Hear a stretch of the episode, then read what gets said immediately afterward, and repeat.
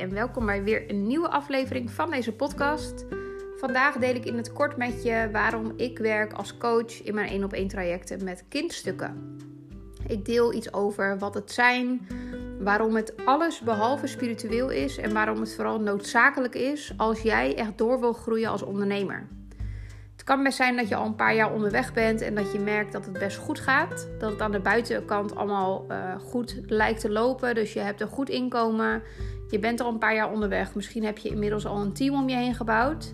Maar merk je toch dat je vastzit. Dat je als het ware tegen een plafond aan het werken bent. Ondernemers zullen dit sowieso herkennen. Want om de zoveel tijd, het kunnen weken, maanden, jaren zijn, kom je elke keer weer als je ambitie hebt en je wil groeien tegen een nieuw plafond aan, waar je weer doorheen mag breken. Mijn ervaring is dat er een hele hoop ondernemers zijn die heel ver komen op het werken op wilskracht. dus doorpakken, kiezen op elkaar, doorzetten, blijven groeien, blijven investeren. Wat ik ook zie is dat er op een gegeven moment een punt kan komen dat wilskracht alleen niet meer genoeg is, omdat het kan voelen alsof je tegen de stroming in aan het peddelen bent. Dit is vaak het moment dat ik ook in coaching met jou ga kijken naar jouw kindstukken. Um, ik had van de week een super mooie 1 op 1 sessie. En hierin kwam ook naar voren dat de ondernemer met wie ik zat, dat zij um, een echt extreme vorm had van wilskracht. Wat er dus heel veel heeft gebracht in het leven. Maar wat ook maakte dat zij niet kon ontspannen. Dus als het een maandag, zoals vandaag, het is super mooi weer, het is heel zonnig. Um, als hij dan zou voelen van, joh, ik kan ook gewoon even rustig aan thuis opstarten. Laptop nog even aan de kant. Eerst een rondje buiten wandelen. Even lekker wakker worden. Dan kon ze zichzelf dat niet gunnen, omdat ze een bepaalde vorm van onrust voelde. Tijdens een opstelling zijn we gaan kijken waar dat vandaan kwam. En in haar geval kwam dit, zoals bij heel veel mensen, want dit is niet de eerste keer dat ik dit meemaak, vanuit een kindstuk. En dat kindstuk had ermee te maken dat zij vroeger een keer te horen heeft gekregen dat ze niet goed genoeg was voor hetgene wat ze wilde. Dan hebben we het echt over basisschooltijd. Dus zij wilde iets, dat kon niet, want ze was er niet goed genoeg voor. Op dat moment heeft dat gezorgd voor een haakje, een trigger. Waardoor zij dacht vanuit wilskracht: moet jij eens opletten. Ik ga hard werken en ik weet zeker dat het lukt. Dus dat wilskracht haakje is ontstaan op dat moment toen zij nog heel jong was. Wat maakt dat zij nu nog steeds in haar volwassen leven, inmiddels ergens halverwege de 30, nog steeds op diezelfde manier eigenlijk aan het reageren is op iets wat ze vroeger onbewust heeft besloten. Het mooie is dat je kunt bij jezelf misschien wel eens nagaan als er momenten zijn in het leven, dat kan gewoon in je privéleven zijn of in je business, waarin jij wordt geraakt. Hè, dus iemand zegt iets tegen jou en dat doet je pijn. Of iemand gedraagt zich op een bepaalde manier en dat irriteert je. Of iemand die luistert niet naar je terwijl jij aan het vertellen bent. Dan zit er vaak, als er een irritatie op zit, zit er een ouder stuk onder. Een stuk wat nog heling nodig heeft. En ik heb deze voorbeelden wel vaker genoemd in een post op Instagram of misschien zelfs al eerder in de podcast. Maar ik ga het toch nog een keer doen, zodat je weet waar ik naar refereer als ik het hierover heb. Een van de voorbeelden is bijvoorbeeld dat jij komt thuis, je hebt een lange dag gehad en je ziet dat uh, het huis een zooi is. En je woont samen, misschien met je partner, misschien met een huisgenoot. En het eerste wat er gebeurt is dat jij ongelooflijk geïrriteerd bent. Want jij denkt, ik heb de hele dag gewerkt, ik kom thuis en het huis is een zooi. Dat is zeg maar de boosheid of de irritatie die je dan voelt. Dat zou in dit geval een secundaire emotie kunnen zijn. En misschien denk je dan, huh, secundair is tweede emotie. Wat is dan de eerste? De eerste emotie kan ermee te maken hebben dat jij als kind vroeger al het gevoel had, toen je klein was, dat jij alles alleen moest doen. dus dat jij super verantwoordelijk moest gedragen toen je klein was. Dat jij misschien wel uh, een deel voor je broers of zusjes hebt moeten zorgen of voor je ouders, omdat zij dat op dat moment niet konden. Wat maakt dat jij dat gevoel hebt kunnen creëren en hebt kunnen voelen vroeger van ik moet ook altijd alles alleen doen. Niemand zorgt voor mij. En dat betekent dus dat als jij thuis komt van een lange werkdag en het huis is een zooitje en jij wordt ongelooflijk boos op je partner bijvoorbeeld of op je huisgenoot, dan zegt die boosheid niks over het feit dat je huis op dit moment een zootje is. Het enige wat, dat, wat er gebeurt is dat deze situatie in het hier en nu aanhaakt bij een haakje van vroeger. Een haakje wat pijn doet. En dit is een huishoudvoorbeeld.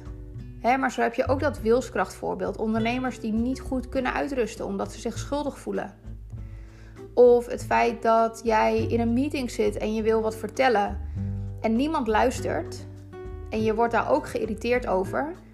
Kan dat ook terugverwijzen naar een moment dat jij als klein meisje of kleine jongen niet gehoord werd door de mensen om je heen?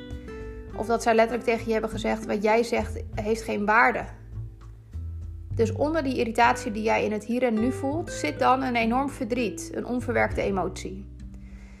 Dit is de reden dat ik dit ongelooflijk belangrijk maak in mijn trajecten. Het zijn namelijk ook de acties die je laten groeien als ondernemer. Maar het zijn vooral de trauma's en de dingen aankijken waar jij nog op getriggerd wordt. Je kan je namelijk voorstellen, als jij een business runt en jij hebt zelf een hele hoop dingen die je nog steeds in de weg zitten op persoonlijk niveau, dan neem je deze één op één je business mee in. En dat betekent dus ook dat als jij ergens in stagneert, dat er een plafond kan ontstaan en dat je business daar last van heeft.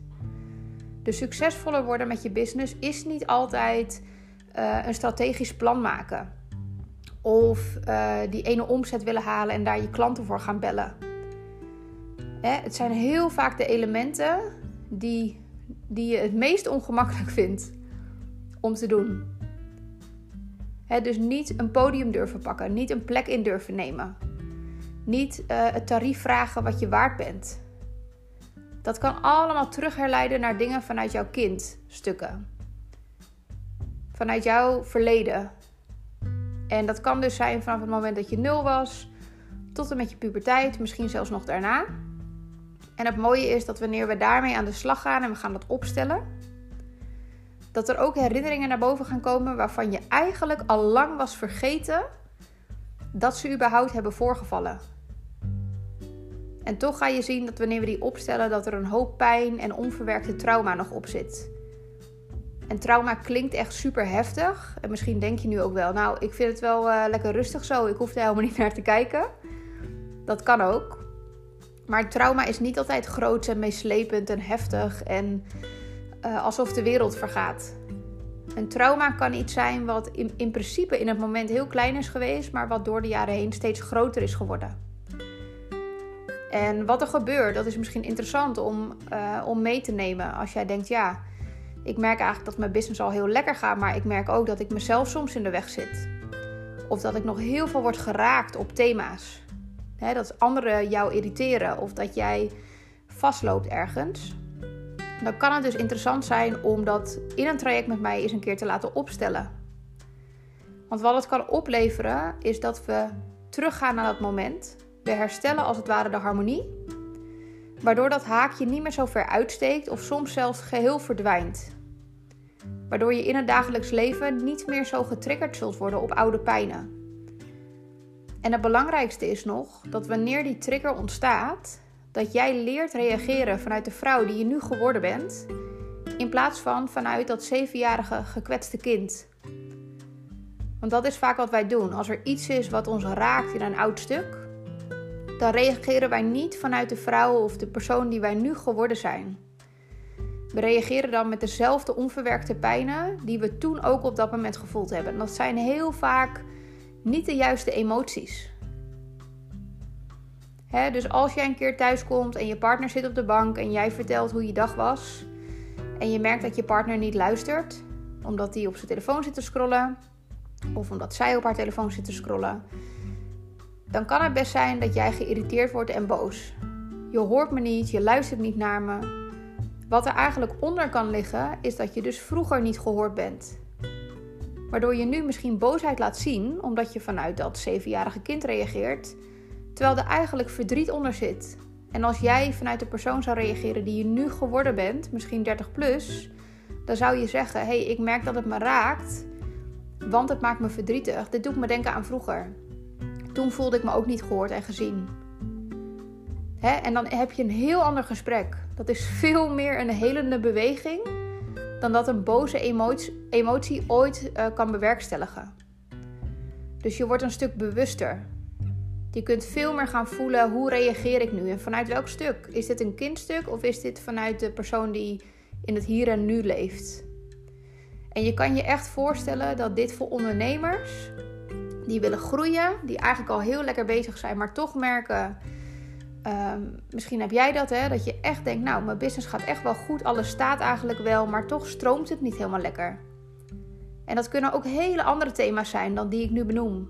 misschien hou je nog te veel rekening met de mensen in je omgeving. Heb je inderdaad het gevoel dat je altijd hard moet werken? Vind je het moeilijk om een structuur te hebben? Ehm, vind je het moeilijk om, om je prijzen nog meer omhoog te gooien en jezelf te waarderen op wat je echt waard bent? Het uitzicht in zoveel verschillende vormen. Dus wat ik hier nu net benoem zijn misschien twee of drie voorbeelden, terwijl er honderden zijn. Dus ga eens bij jezelf voelen of dit resoneert.